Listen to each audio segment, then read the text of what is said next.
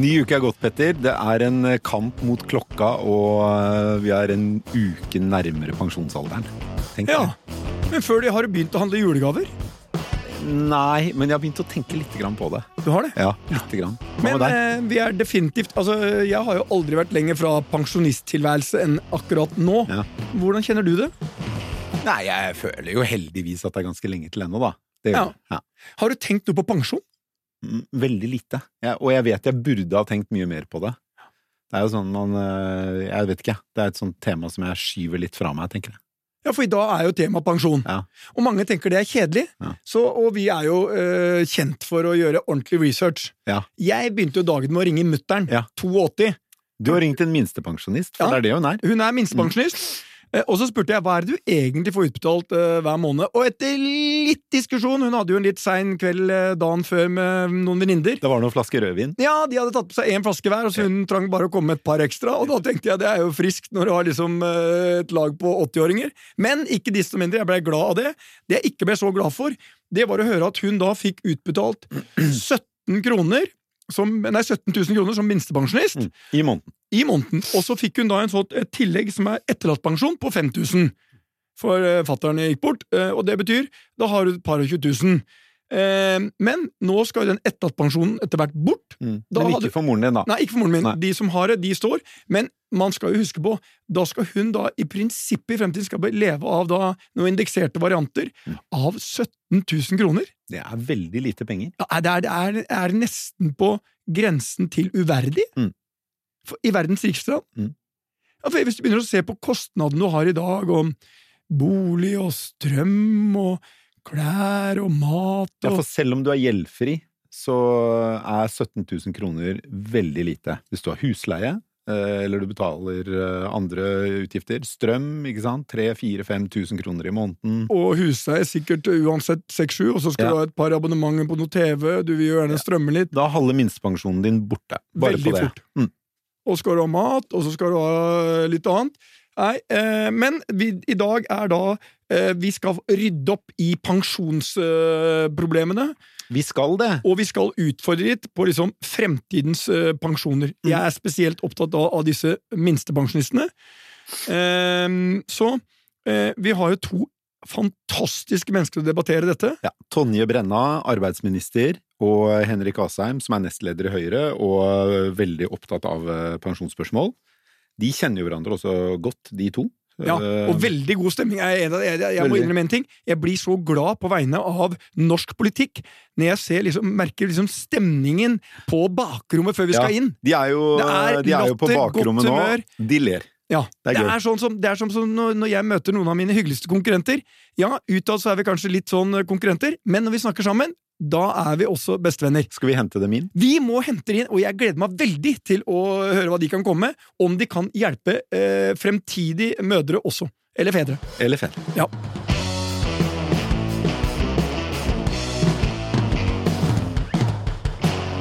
Velkommen i studio, Tonje Brenna og Henrik Asheim. Tusen Eh, dere er jo enda lenger fra pensjonsalderen enn eh, Petter og meg. Veldig langt unna. du, du, du sier det hver gang eh, vi snakker om det, Petter, men, men du kommer uansett ikke til å bli en vanlig pensjonist. Jeg har tatt ned det også, postkassa, for jeg skal ikke motta den der Vi over 60. 60. Ja, den, det er bare, den skal aldri inn i nærheten av mitt hus. Nei, men ehm, Jeg blir eh, 61, og det nærmer seg. Det er jo en pensjonsreform på trappene som det synes å være ganske bred enighet om på Stortinget. Mm. Eh, Kan ikke du, Tonje, gi oss pensjonsreformen for dummies? Vi har jo eh, egentlig siden 1967 i dette landet, ved ujevne mellomrom, men ganske breie flertall i Stortinget, forandra litt på innretninga på pensjonssystemet vårt. Og hovedhensikten er jo at vi sparer litt hele arbeidslivet, og så får vi det utbetalt når vi blir eh, gamle og ikke skal jobbe. Så er jo denne eh, runden pensjonsdiskusjon, debatt, beslutning handler jo egentlig om eh, flere ting, men de tre viktigste tingene det er punkt én, vi lever lenger. Vi er også friskere lenger, og veldig mange av oss kan stå lenger i arbeid. Og eh, da er det naturlig at vi endrer pensjonssystemet på den delen, som handler om hvor lenge vi skal stå i jobb. Mm. Det andre det handler om, det er eh, hvordan skal vi sørge for at når de som står lenger i jobb og dermed får bedre opptjening, sammenligner pensjonen sin med de som ikke kan jobbe, eksempel hvis du er ufør hele livet, hvordan skal vi sørge for at opptjeningen også for uføre henger rimelig sett med, altså at det ikke blir for stor avstand. Og det tredje det handler om, som egentlig er litt beslekta med det forrige, det er hvordan regulerer vi nivået på de minste ytelsene, apropos Kari som dere snakka om her i stad, og sørge for at det henger på en måte med i tida, fordi tidene forandrer seg, prisene forandrer seg, og hva som er andre grunnlaget for på en måte de laveste ytelsene også endrer seg. Sånn at de tre tingene er på en måte de store overskriftene på det ja. som nå skal skje. Og det sånn i sum da, så høres det ut som det handler om hvordan alle som blir pensjonister i Norge skal ha en god og verdig pensjonisttilværelse, uansett hva slags eh, liv de har levet, eller helsetilstanden deres frem til pensjonsalder, og så må man jobbe litt lenger før ja. man eh, blir pensjonist. Det er jo det som er det grunnleggende. Og så er jo folketrygden vår er jo fantastisk skrudd sammen, for den skal jo egentlig ta høyde for at du kan være veldig frisk og i en tung, jobbe i en tung fysisk jobb i mange år, eller veldig sjuk og ha, jobbe på kontor, og på en måte ta høyde for begge deler. Både mm. dårlig helse, god helse, krevende jobb og mindre krevende jobb. sånn at systemet vårt er jo veldig mye mer sammensatt enn det jeg nå sa på overordna nivå, men ja. disse systemene må også henge sammen. Så for eksempel i det øyeblikket du for eksempel er ufør og skal over eh, til det å bli pensjonist, så må jo også uføretrygden og pensjonssystemet snakke sammen på en måte som gjør at du ikke ender opp i et eller annet høl og ikke har inntekt over noen år, for eksempel. Ja. Men er, dette, da, er det da forventet at alle skal jobbe lengre, eh, eller kan man slutte for i dag slutter jo mange når de er 67 år. Og så tar noen AFP, og da slutter de vel når de er 62. Eh, hva skal eh, skje av endringer der? Det er jo ulikt hvor lenge folk jobber, både av hensyn til helsa til den enkelte, men også fordi i noen yrker har vi fortsatt eh, særaldersgrenser som gjør at vi går av når vi er yngre. Fordi enten jobben er krevende, eller det krever at du er til stede på en helt bestemt måte, f.eks. en del beredskapsyrker som politi og sånn. Mm. Men det som, ikke sant, da folketrygden ble innført i 19 1967. Da var forventa levealder på menn det var 72 år. I dag er forventa levealder på menn 82 år. Mm. Og det at vi gjør noen justeringer som uh, henger sammen med det at vi lever lenger og er friskere lenger, det er naturlig, mener jeg, og det mener jo også et bredt flertall i Stortinget at det er naturlig.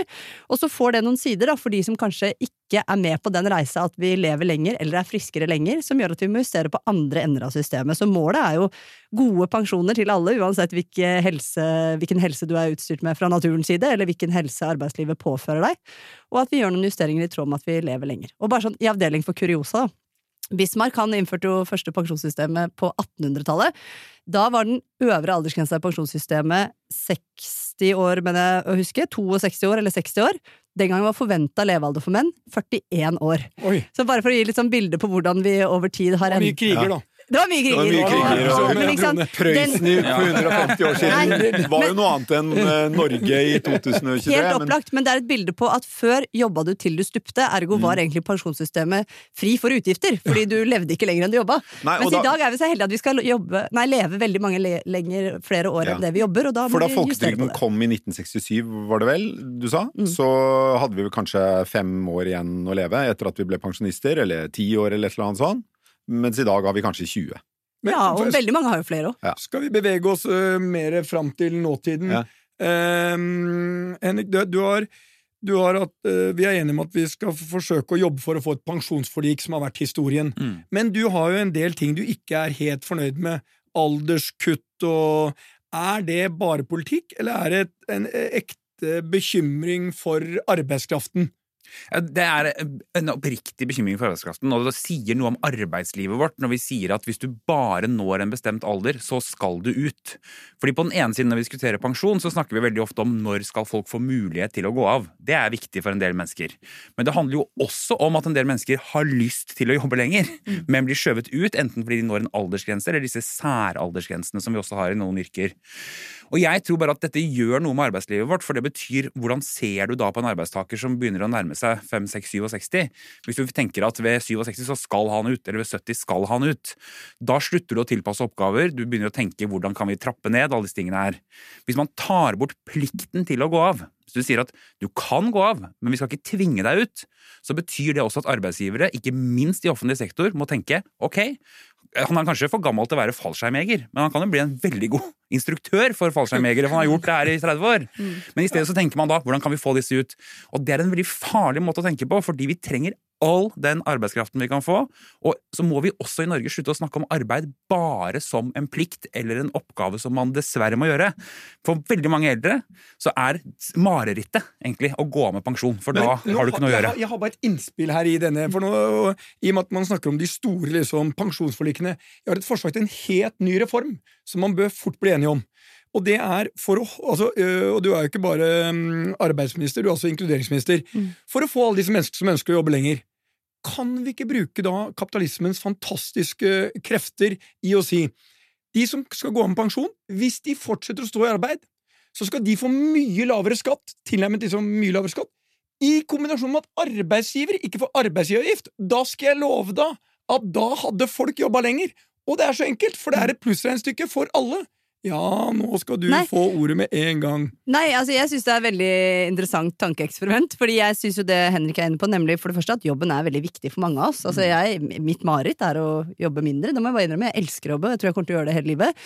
Det er det ene. Og at jobb er et gode. Vi får delta i fellesskap, og vi får lønn å leve av. og sånn. Det andre er jo at Eh, Det å få folk til å stå i jobb, det handler om veldig mange ting. Det ene er aldersgrenser, som Henrik snakker om, men det andre er jo hvilke insentiv har vi, da, som du er inne på, Petter, for å, for å få folk til å stå lenger. Det som er en sånn gjennomgående liksom, utfordring for oss, det er jo at det som går mest i arv mellom generasjoner, det er helse. Og noe av det som er eh, det som hindrer folk i aller størst grad fra å jobbe lenger, det er også helse. Sånn at jeg er for alle insentiver jeg som kan gjøre at folk står lenger i jobb, men det må ikke bli sånn at hvis du først tapte helsa, så tapte du også inntekten på dine eldre dager. Vi må liksom ha systemer som klarer å ta høyde for begge deler, for du kan jo ha veldig lyst til å jobbe, men ikke være frisk nok, og du kan ha veldig lyst til å jobbe, men oppleve at det ikke lønner seg selv om du er frisk nok, og det siste er det liksom lettere å skru litt på systemene våre for å gjøre noe med det. Mm. Men skjønte jeg det deg riktig, Henrik, at du mener at man ikke burde ha en aldersgrense for når man blir pensjonist? Ja, altså det, vi, det er klart, Vi har jo disse aldersgrensene som vi skal skyve på, og som handler om når er det du har rett Ja. til å gå av. ikke sant? Og Det er helt greit. Og vi har særaldersgrenser på noen yrker. Men det vi gjorde i regjering, det var at vi sa at den plikten du har til å gå av med særaldersgrense, den tar vi bort. Du har en rett til å gå av, men ikke en plikt til å gå av. Eh, Og den regjeringen som vi har nå, har sagt at de skal gjeninnføre den plikten. Mm. Det mener vi blir feil, fordi da skjærer du alle over en kam. Og det som skjer i dag, det er f.eks. politifolk som da går av med særaldersgrense. Hvor er det de er nå? De jobber i forsikringsbransjen. Mm. Og tjener gode penger der, med full pensjon ved siden av. Og mitt poeng er bare at hvis du møter noen også som er 70, og som er gode i jobben sin, har lyst til å fortsette, så er det veldig rigid å si at vi har, fordi du er født i dette bestemte året, så skal du slutte å jobbe. I en tid hvor vi trenger at alle som kan og vil jobbe, får muligheten til å gjøre det. Hva er tanken for å innføre den? eh, Nei, men bare, bare for, å igjen, da? det, for å komplisere bildet til Henrik ytterligere, da. Det er, jeg syns eksempelet med politifolk i sikkerhetsbransjen er godt. Og så får vi gjøre det enda vanskeligere, for kvinner som jobber i helsetjenesten og går av på særalder, der fins det ikke noe alternativt marked å jobbe. Det er jo bare helsetjenesten du kan jobbe i. Så at dette er jo også et system som egentlig premierer menn langt på vei, da, hvor du kan stå lenger i arbeid. Og det, jeg er enig i at vi må diskutere det. Akkurat nå er jeg i den litt privileg- privilegerte situasjonen at denne debatten foregår før jeg egentlig har lagt fram mine forslag. Så Henrik på en måte forskutterer en kritikk, og jeg eh, trør vannet Jeg bare og leser lytter regjeringserklæringen. og, og er interessert i hva han eh, mener og sånn, Ja. og så får vi ta resten når vi kommer dit at vi har noe konkret å diskutere. Ja da, men jeg, jeg tror bare, eh, for å avslutte det, at sant, det som er en utfordring, er hvis vi hele tiden tenker at når du er på den bestemte alderen, så er du ferdig, uansett. Sånn kan vi ikke tenke lenger. Også fordi det man møter både i offentlig og privat sektor nå, det man sliter med nå, er jo ikke penger, det er folk. Vi har ikke nok folk. Og det å da lempe ut folk som har jobba et helt liv og kan jobben sin kjempegodt, det er helt meningsløst. Og det Altså. beste eksempelet på dette paradokset, det er at sykepleiere de har særaldersgrense, går av på 62 år. For noen uker siden så møttes jo Henrik og jeg i Stortinget til debatt om hvordan skal vi sørge for at de som jobber som sykepleiere og har gått av, men som allikevel fortsetter å jobbe veldig mye ved siden av pensjonen, får mindre avkorting. Det viser jo paradokset. Fordi på den ene siden så vil jo mange folk ha retten til å fratre, på den annen side vil de da ha lov til å få pensjon og lønn i tillegg etterpå. Og det viser jo at det er ikke bare bare å si at ett yrke er lik en gitt helse, eller en gitt slitasje. Det er veldig mye mer sammensatt enn det, da. Ja, men eh, Henrik, du sier at vi har råd, men har vi det? Fordi vi har jo alltid hørt at eh, eldrebølgen kommer. Hvordan skal vi finansiere fremtidens pensjonsordninger? Er, det, er dere enige om at det å finansiere fremtidens pensjon ikke er noe problem? Nei, det kan det fort bli. altså, og det er klart at den reformen, fordi Man snakker jo nå som at det kommer en reform. Dette er jo egentlig en justering av en veldig viktig reform, som sa at vi må ta inn levealderen din når vi bestemmer når du skal kunne gå av med pensjon. Eh, Og sørge for at alle skal få en verdig pensjon, men også må jobbe lenger for å få den. Sånn at det vi nå gjør, er egentlig bare å justere litt på den. Og den, hadde vi ikke vedtatt den reformen den gangen, så ville pensjonssystemet vårt ikke vært bærekraftig. Da hadde det faktisk knukket under vekten av seg selv. Mm. Og det er ikke noe sosialt med det.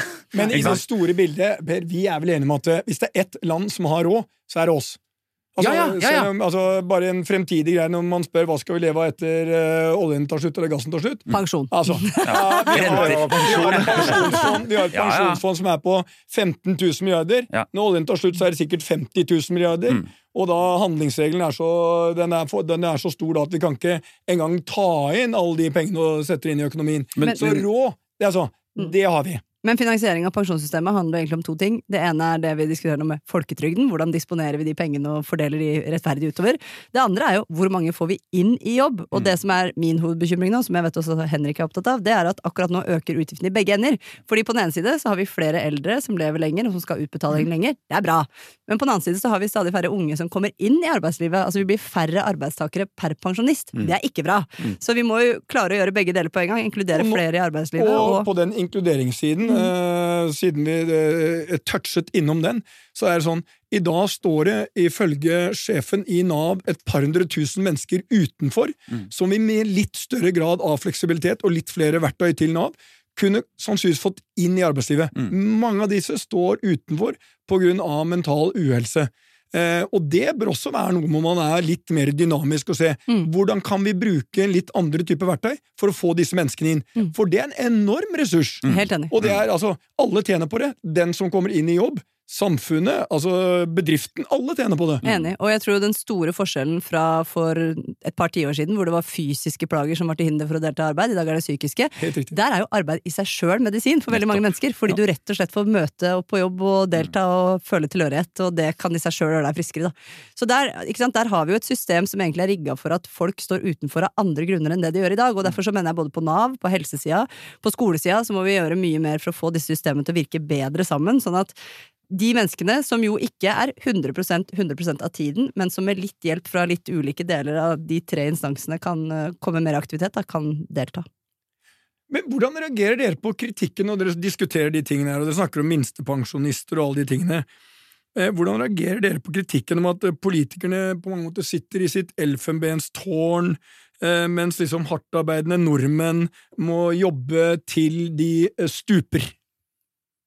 Da ble det veldig stille. Ja, men det er, jeg tror det også baserer seg litt på at eh, før i tiden, lenge før vi ble politikere, så hadde politikerne helt egne pensjonsordninger som var helt sinnssykt lukrative. Eh, og det er borte. Vi har den samme pensjonsordningen som alle andre.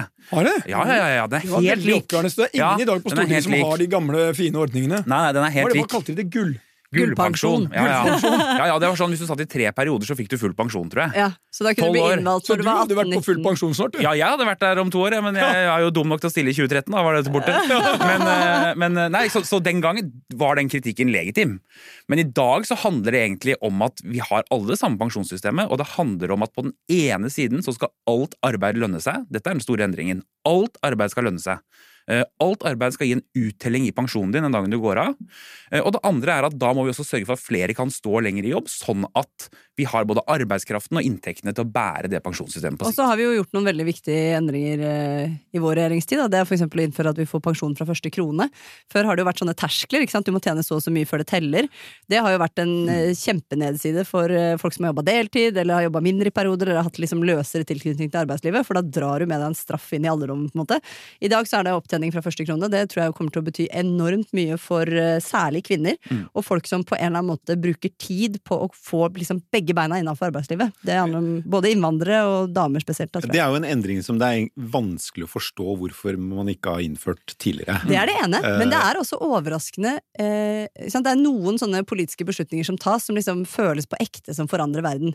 Dette er en endring som på ekte forandrer verden, som får ganske lite oppmerksomhet. Ja, Eh, var Så jeg skulle ønske det- vi hadde plakater og fakkeltog hvor vi sa liksom takk for pensjon for første krone, for det skulle jo ærlig talt bare mangle, egentlig, men Ja. allikevel så tok det så mange år før vi kom dit. det- Men du tok jo Hadia Tajik et kvarter Ja. å få til den endringen. ja, ja. Eh, og, og, men, og kortversjonen av den er vel at en, hvis du jobber når du er, si du er eh, 17 år og jobber ved siden av eh, videregående, så får du pensjonspoeng av den inntekten du har der. Ja, det er- ikke sant? ja. Eh, Som et eksempel. Jeg kan bare si hvorfor det, fordi Vi foreslo det jo også i regjering. sånn at Dette blir ikke jo i stor statsråd før Dere hadde bare ikke også. en arbeidsminister med gjennomføringskraft? Ja, det men det? dette ble jo vedtatt i vår bra, regjering Henrik, sommeren si 2021. sommeren 2021 så vedtok Solberg-regjeringen også dette, men dette var jo Ja. en stor debatt. Og grunnen til det er at denne kostnaden tas utelukkende av arbeidsgiver. Mm. Så det er jo grunnen til at det var motkrefter. ikke sant? Det Ja. var at det er en regning på 3-4 milliarder kroner som går utelukkende til Du, bedriftene, det man egentlig. trengte, var en næringsfiendtlig regjering for å få gjennomført denne Nei, nei, nei, det- nei, nei, nei. Altså, du, dette her er en helt naturlig oppfølging av pensjonsreformen også. Men dette var jo grunnen til at Stoltenberg II-regjeringen argumenterte heftig mot å innføre pensjon fra første krone. Er det noe, bortsett fra litt sånn om man skal ha en eh, pensjonsalder som er pliktig å gå av eller ikke og sånn, er det noen ting som virkelig skiller Høyre og Arbeiderpartiet på pensjon? Altså, jeg, Eller er det same same but different? jeg, tror, jeg tror noe av styrken i Norge er at Høyre og Arbeiderpartiet har forhandlet seg gjennom alle disse reformene. Eh, og det gjør at man har gitt og tatt litt og sånn, men, men eh, der vi er nå, så tror jeg det er noe på aldersgrensene oppover. Det tror jeg vi er uenige om.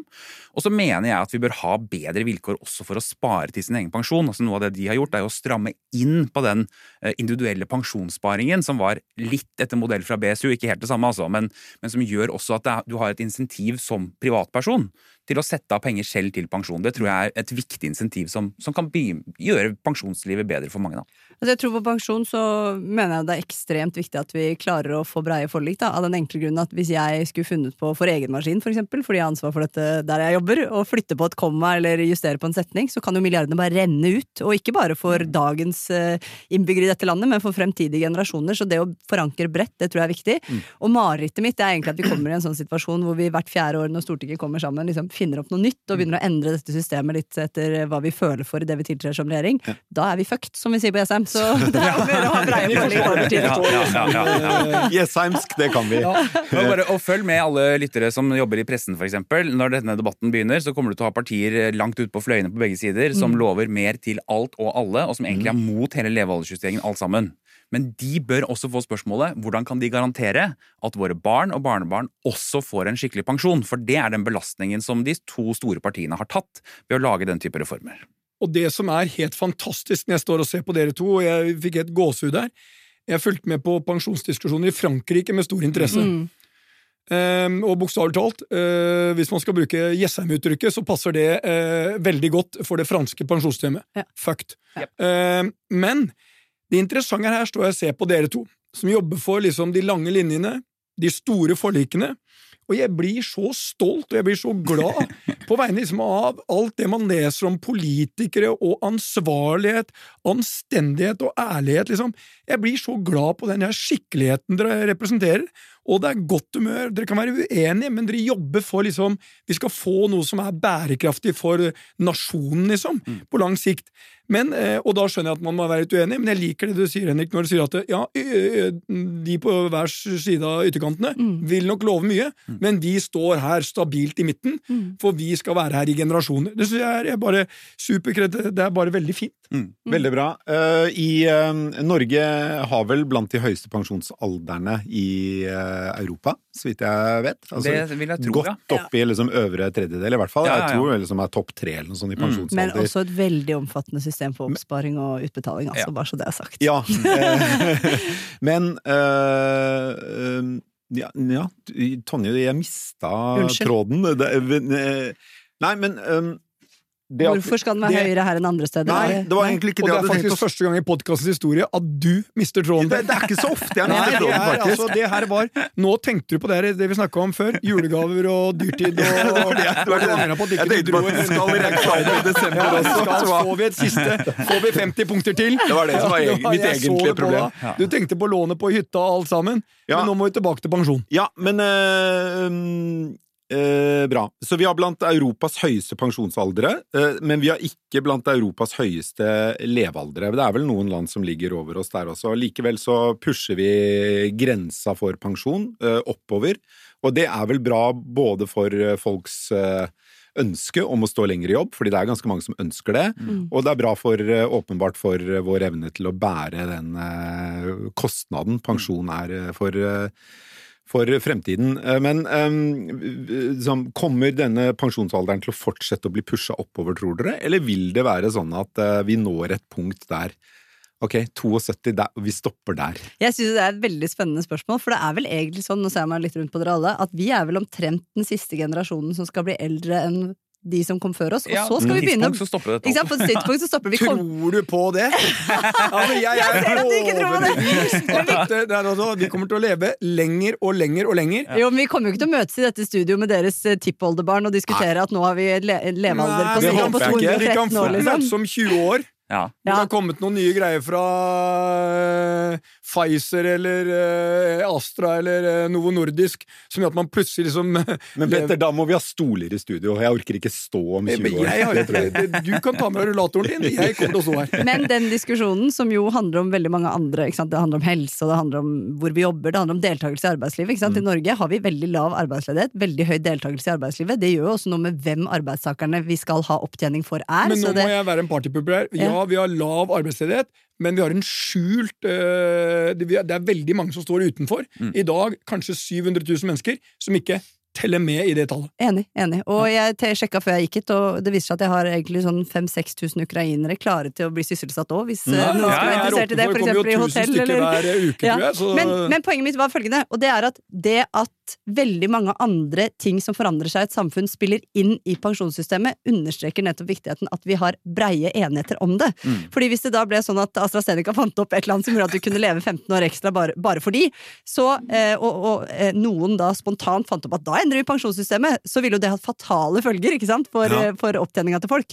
Så, så også i en verden hvor vi skal leve enten lenger eller kortere de neste 100 årene, så er det viktig at vi har breie enigheter. Er det at vi har klart å gjennomføre pensjonsreformer ganske smidig og uten sterke politiske motsetninger og uten at det er demonstrasjoner i gatene og, og opptøyer, eh, en funksjon ikke først og fremst av at dere og andre på Stortinget er så fine til å snakke sammen på en bra måte, men at vi har råd til å kjøpe, kjøpe oss ut der det virkelig smerter i pensjon? Jeg mener det er liksom et uttrykk for i hvert fall to ting. Det ene er at vi er, bor i et land hvor vi fortsatt har ganske høy tillit til myndighetene. Altså Vi stoler på at de penga vi betaler inn i skatt og i pensjonsoppsparing og sånn, de kommer oss til gode. Mm. Det er ekstremt verdifullt, og det er jo det som gjør at vi har omstillingsevne og er, øh, er produktive og veldig mange andre ting, så den tilliten må vi ta vare på, det er et uttrykk for det.